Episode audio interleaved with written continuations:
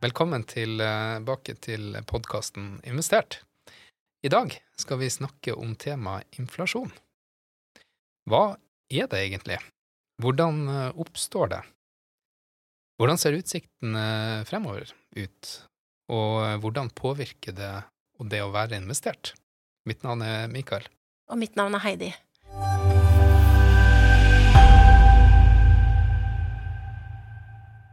Inflasjon er jo en rar kombinasjon at det er litt vanskelig å forstå, litt vanskelig å få tak på når du ikke jobber eh, dypt med de økonomiske begrepene selv. Og samtidig så berører det jo alle i samfunnet.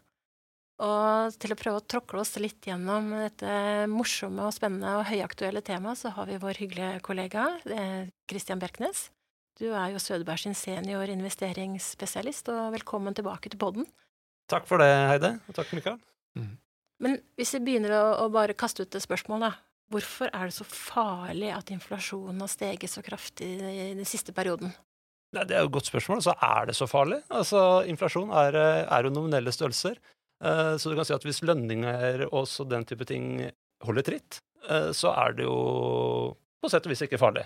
For da får man kjøpt det samme for pengene sine, eller litt mer. gjerne. Man vil gjerne ha litt uh, reallønnsvekst. Men problemet kanskje med høy inflasjon er at det, alle lønninger holder ikke tritt. ikke sant? Noen faller etter. Det skaper litt vinnere og tapere.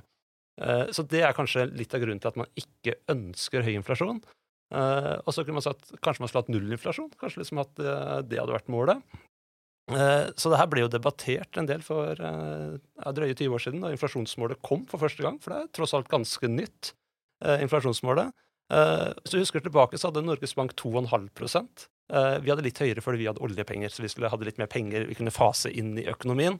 Uh, Når var dette? Uh, en halv, det hadde vi fra inflasjonsmålet kom vel rundt årtusenskiftet. Så hadde vi det fram til for en tre-fire år siden. Nå husker jeg ikke, Etter pandemien så føler jeg plutselig jeg sier tre-fire, så kanskje det var fem.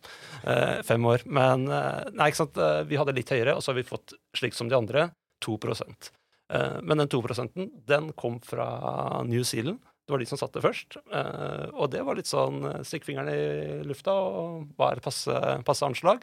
Jo, 2% Da har vi litt sånn buffer å gå mot null.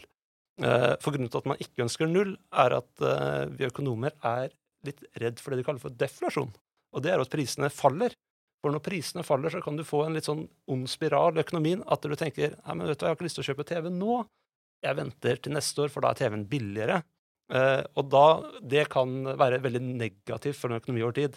Litt som du tenker nå før jul. ikke sant? Du tenker, jeg kjøper ikke den. Sier du da at 2% inflasjon er en sunn prisvekst? Prisstigning? Ja, det er det som er tanken. da. At det, det, det, kan være på en måte et mål som kan være liksom greit å styre mot. Uh, men det kunne vært tre, og det kunne vært én, og det, sånn kunne vært fire. Uh, og så ser vi tilbake liksom, på største delen av den perioden, så har vi jo slitt med å nå 2 Det var det vi var bekymra for før pandemien. Og etter pandemien så har vi jo virkelig fått uh, erfare at inflasjonen ikke var død og begravet allikevel. Uh, den kom, kom, tilbake med et brøl. Så nå er jo det vi er, det er bekymra for, da. Mm. Du har jo kort beskrevet utfordringen med deflasjon. Og eh, på andre sida av skalaen så har du hyperinflasjon. Og det, det, er heller ikke noe vi har lyst til å, å ha. Nei, definitivt ikke. Og da tenker man jo type, type Tyskland på 20-tallet. Det, det, er, det er jo da man mister kontrollen, egentlig, på, på det finansielle systemet. Eh, og det Du har jo Argentina har vel en inflasjon på 180, mm. altså give or take. Altså det kan sikkert endre seg fra måned til måned, men eh, Zimbabwe er jo kjent. Det, du har en gammel vits om at hva kaller de 50 cent i Zimbabwe? Det er 80 million dollar. Mm. ikke sant? Det har, vært, det har, vært, inflasjon. Men ja, altså, da mister man kontrollen. Så det er viktig at man ikke sant? Se for deg at du er en bedriftseier. Se for deg at du planlegger økonomien fremover i tid. Eh, du må ha en forutsigbarhet på, på disse rammene. Eh, det gjelder både for næringsliv og det gjelder for, eh, for husholdninger og, hver enkelt. Og sentralbanken styrer jo nå et inflasjonsmål, ikke akkurat i dag, for det vet de de ikke klarer å treffe på, men det er da to år frem i tid. Stort sett. Ja, og så har det blitt løsere og løsere. Eh, og det der sånn er jo liksom det man spør sentralbanken ja, liksom hvor, eh, når skal man nå målet. Eh, tidligere eh, så hadde man jo ganske sånn strikt at man skulle nå det relativt raskt. Eh, men etter hvert som man har fått en slags forankring, at man tror på at sentralbanken styrer mot 2 eh, så kan jo sentralbanken tillate seg å bruke lengre tid å komme tilbake til inflasjonsmålet. Eh, for det er sånn i økonomien som er veldig mye annet i livet, det er alltid litt vanskelige avveininger. Eh, og det verste situasjonen for en sentralbank er jo hvis du har en økonomi som er svak, altså høy arbeidsledighet, samtidig som du har høy inflasjon. For hva skal du gjøre da? Skal du senke renta for å få ned inflasjon? Nei, for å få ned arbeidsledighet? Eller skal du øke renta for å få ned inflasjon? Så de har disse to målene som de må forholde seg til. Eh, og det er jo det vi liksom, med skrekk og gru tenker på som stagflasjon, ikke sant? som vi opplevde på 70-tallet. Eh, og, og, det er, det er eh, liksom en sentralbanksjefs mareritt. da. Og Det er derfor det også er så viktig for dem å sørge for at ikke folket begynner å forvente inflasjon. For det påvirker jo når det går i lønnsoppgjør. Hvis du på en måte vet at ja, mine regninger har steget med 10% siste året, så vil jo du ha kompensasjon for det. Og i det øyeblikket du får den kompensasjonen, så har du mer penger, og så kan du bli, bli med å dra opp igjen enda mer inflasjon, så det kan bli selvfølgende. Og det er, eh, det er jo det er det som gjør sentralbankfaget, som i teorien ser enkelt ut, litt vanskelig. Mm, ja. Og de, de, har, eh, de, har, jo eh, De har ikke ubegrensa midler til å, bekjempe inflasjonen, men, men, de har mange virkemidler de kan spille på. Um, men likevel står vi nå i en situasjon som er ganske annerledes enn en det man Ja, gå to år tilbake. Eh, så, så starta jo egentlig spekulasjonen om, om eh, inflasjon, og eh, da halvannet år siden så tok det, tok det vel fart på alvor. Ja, og jeg, jeg, tror vi må se hvor vi kommer fra. For altså, vi kommer jo egentlig fra to tiår med lav inflasjon. Ikke sant? Der inflasjonen der nesten var sånn Når vi inflasjonsmålet på 2 uh, Og så har det vært ulike grunner til det. Uh, jeg tror vi kan liksom sånn hovedgrupper kategorisere det slik at det en første viktig grunn var at Kina kom inn i verdenshandelen. Det gjorde at man fikk eh, to milliarder hender, altså én milliard eh, kinesere, som jobba billigere enn de gjorde i Vesten. De produserte billigere. Det gjorde at eh, det vi kaller på økonomifagspråk et tilbudssidesjokk. ikke sant? Vi kunne få en masse varer billigere enn det vi klarte å lage.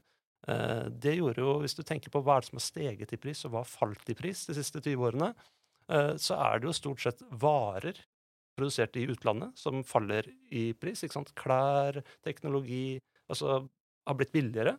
Eh, og så har veldig mye av det vi gjør her hjemme, type tjenester, klippe håret, kjøpe bolig, den type ting. som ikke, Du kan ikke kjøpe en bolig i Kina og ta den med deg hjem til Norge, for du har ikke noe sted å Altså, setten, Du kan få bygget, men du får ikke tomta, da, for å si det sånn. Uh, og du kan ikke reise til utlandet og klippe håret, uh, med mindre man bor i Halden og er altså ikke over grensen, selvfølgelig, som kanskje noen gjør.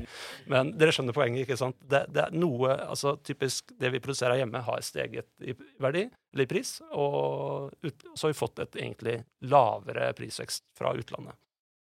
Den trenden kan kanskje snu nå, for nå vet vi at globaliseringen har gått sin gang langt.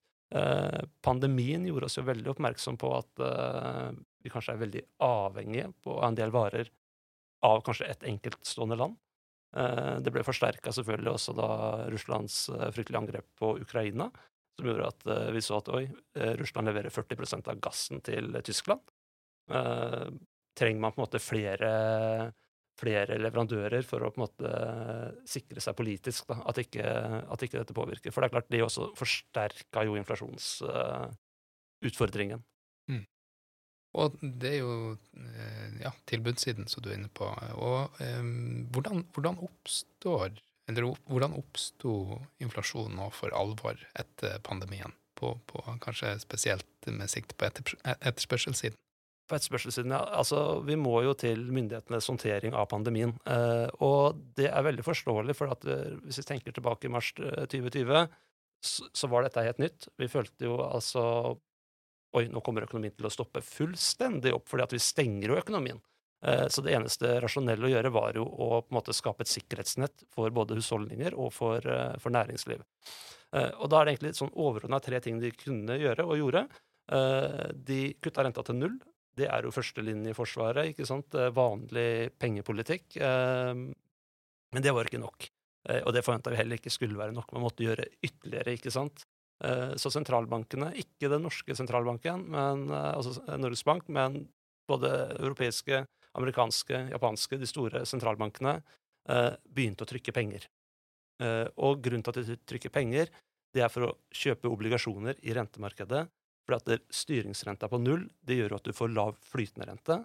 Eh, trykker du penger og kjøper obligasjoner i markedet, så senker du også den faste renta. For eh, i utlandet så er det mye mer vanlig med rentebinding, ikke sant. Eh, man har fastrenter. I Norge så vi er jo en nasjon på flytende rente, som vi vet. Det gjorde det, så den kom ned. I tillegg så har det en sideeffekt som også var ønska, og det er jo at investorene blir pressa bort da fra lave obligasjonsrenter over i aksjemarkedet eller type high yield, altså obligasjoner med høyere risiko.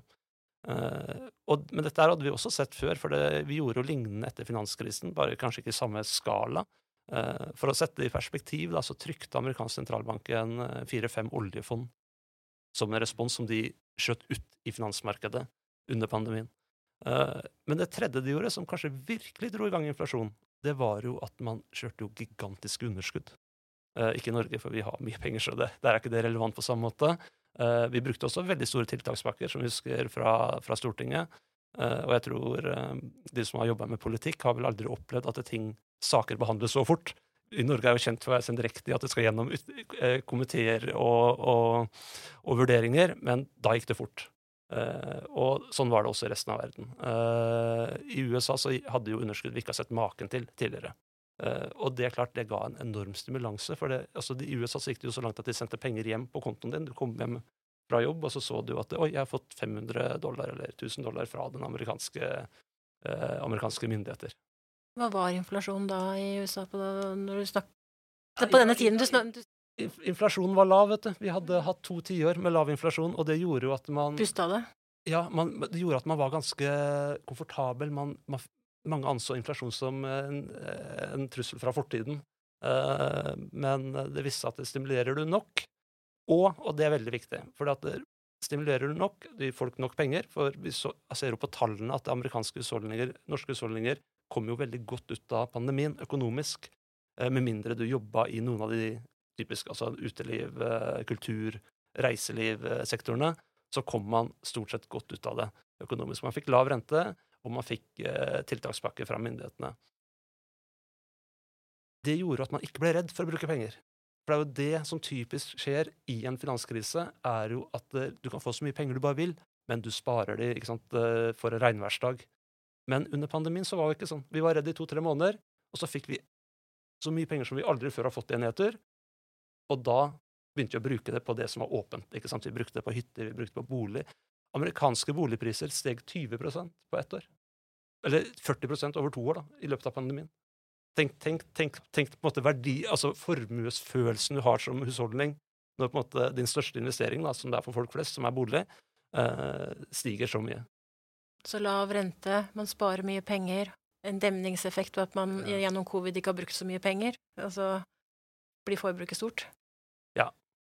Kan vi, kan vi oppsummere med Du nevnte to tiår med lav eh, inflasjon. Så kom det en uh, ny situasjon som veldig få som lever i dag, har opplevd, med en pandemi.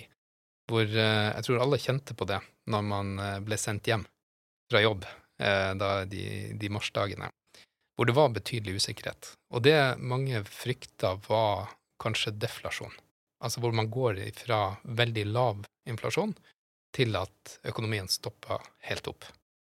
Og da ble gode råddyre, og myndighetene satte i gang disse tiltakene som du beskriver. Og nå står vi et helt annet sted. Det, det, gjør jo, det, gjør vi jo, helt klart. Uh, og jeg tror du har helt rett. Uh, jeg tror ikke man frykta eh, inflasjon. Eh, Iallfall ikke myndighetene, og det har jo måten de håndterte dette på også. For selv, sant, du spurte hvor var inflasjon da, når man pøsa på med alle svingene. Den var lav, men så begynte den å komme ganske fort opp. Og vi må huske at uh, amerikansk sentralbanken hadde jo nullrente fram til mars 2020, nei, 2022. De hadde null, nullrente i to år. og ikke bare det, de, de, de syntes ikke det var nok, så de trykte jo ekstra penger fram til mars 2022. Eh, og da var inflasjonen allerede høy. Eh, men de som følger dette tett, husker at sentralbankene brukte jo ordet um, at dette var eh, temporary. ikke sant? Det, dette kommer til å gå over inflasjonen. Det kommer til å komme opp, og så kommer den fort ned, og så er vi tilbake der vi var. Men det har de jo erkjent, og Jay Powell, som er sentralbanksjef i USA, sa jo det i fjor, at er det noe vi kanskje har lært, så er det hvor lite vi faktisk vet om inflasjon. For det er et så sammensatt system, eh, og det er nettopp dette med at du kan se hvor mye penger som er i omløp, du kan ha tall på veldig mye, men vi vet ikke hvordan den enkelte bruker å agere rundt det. Eh, så en, eh, hva skal vi si, en eh, god dose med ydmykhet rundt det tror jeg nok man sitter igjen med i etterkant. da. Men til, til tross for ydmykhet, dette påvirker jo eh, lønninger, eh, det er forbruksmønster, eh, priser, eh, investeringer. Eh, hvordan, hvordan tror du det ser ut eh, fremover? Det er et godt, eh, godt spørsmål, og det er jo der eh, slaget står. Marked, bare for å ta markedet, da. Priser nå, markedet priser du inn at der, eh, inflasjonen kommer til å komme ned mot målet på 2% Det er det markedet forventer. Men det er en stor forskjell fra før. Og det er jo at markedet forventer nå at du må ha renter nær dagens nivåer for at inflasjonen skal være i sjakk rundt 2 eh, Og det er en kjempestor endring. Eh, og så kan man fordele dette her sånn, for det er argumenter som det alltid er, ikke sant, for det ene og det andre.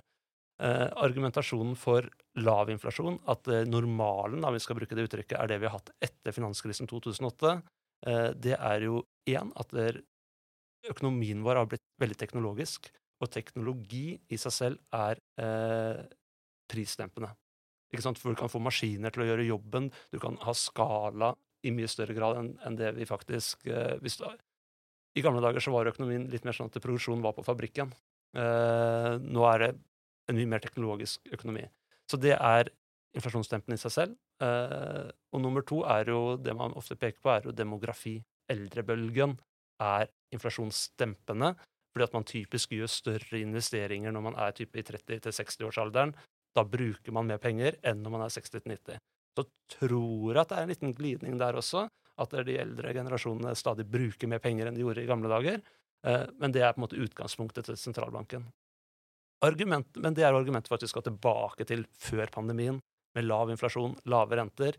Eh, argumentet mot, eh, det er jo én, at globaliseringen er slutt, som jeg er inne på. ikke sant? Kina kom inn på verdensstandarden og tilbød egentlig veldig billig arbeidskraft.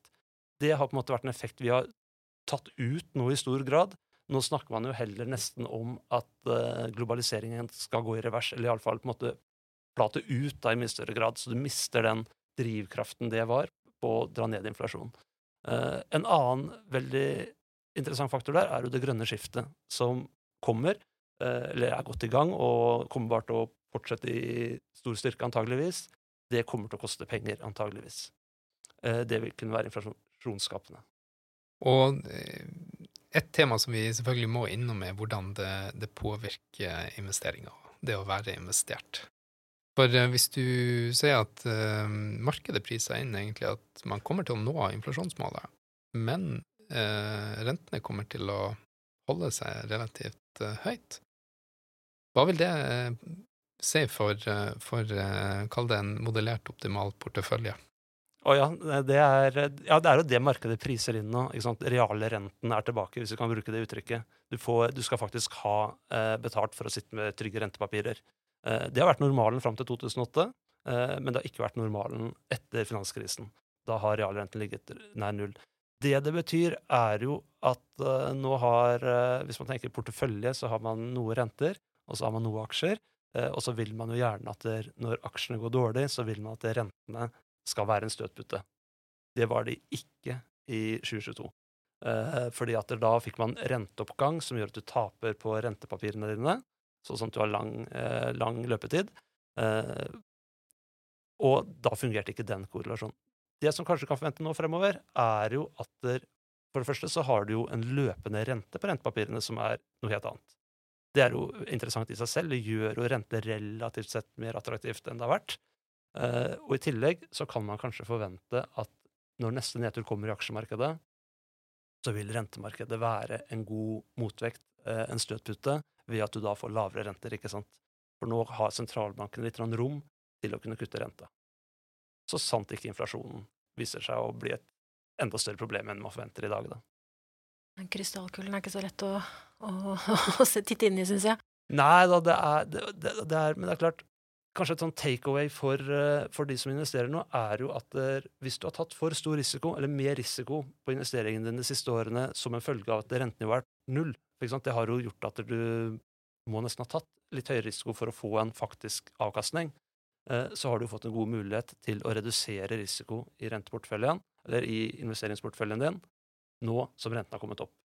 Er du langsiktig investor, så synes jo vi fortsatt at uh, da er det i hovedsak aksjer du skal ha i porteføljen. For uh, vi forventer fortsatt høyere avkastning i aksjer over tid. Men den relative har jo blitt dreid at renter faktisk har blitt veldig aktuelt igjen. Veldig mange snakker om renter om dagen. Mm. Og naturlig del av en portefølje. Ja. Og samtidig som du, du sa, så er det jo hvis um, du har positiv realrente i rentemarkedet, og det er kall det gulvet, eller risikofri rente, så vil jo risikopremien til aksjer også være et sted, og, og et høyere gap ned til inflasjon. Ja, og, det, og det, er, det, er, et veldig godt poeng. Men jeg tror vi skal skille på aksjer på kort og lang sikt. Og på kort sikt så er, så er inflasjon ubehagelig i aksjemarkedet ofte. Det så vi i 2022. Aksjer falt, ikke sant, rentene, inflasjonen var høy, renter kom opp. Uh, og det er jo fordi at det er ofte vanskelig å flytte hele kostnaden over på kunden når du sitter i selskap, uh, uten at det går utover volumet ditt, eller topplinja da, i regnskapet, for å si det sånn, hvor mye du får solgt av, av varene dine. Så på kort sikt, uh, på lang sikt så mener man jo, og har empiri på, at aksjer er en god inflasjonssikring, fordi at der, før eller siden så blir kostnadene flytta videre. Eh, og så vil det selvfølgelig underveis kunne skape vinnere og tapere også i aksjemarkedet. For det er noen bransjer som har lettere for å flytte kostnader, mens andre ikke har det.